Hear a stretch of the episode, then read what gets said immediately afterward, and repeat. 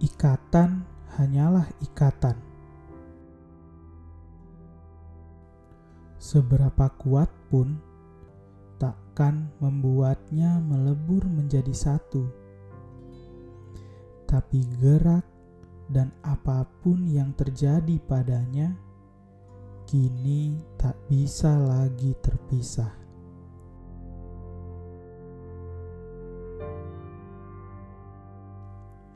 Sama-sama diombang, diguncang, bahkan diremukkan, ikatan menjadikannya bersama, tapi tetap tak satu.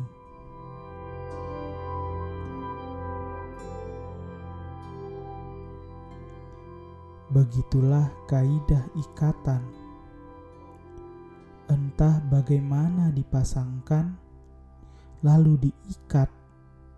Berpasangan hanyalah ikatan. Tetap ada satuan pribadi yang dapat berdiri sendiri di dalamnya.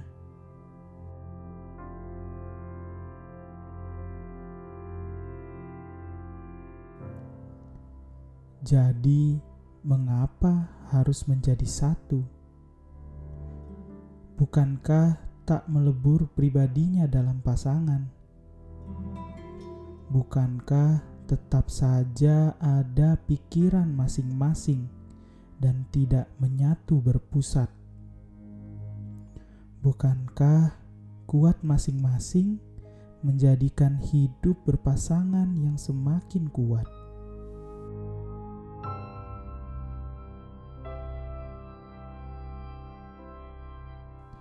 Ingat kata Bapak dalam sebuah Sabtunya.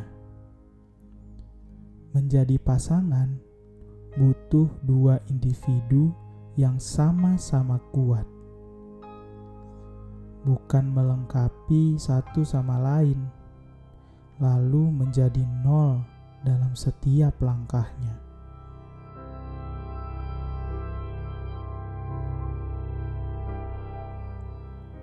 Begitulah pasangan seharusnya dalam kodrat. Terikat dengan setia dan keikhlasan, bergerak bersama dalam suka dan duka. Tapi tetap saja satu, utuh tiap pribadinya.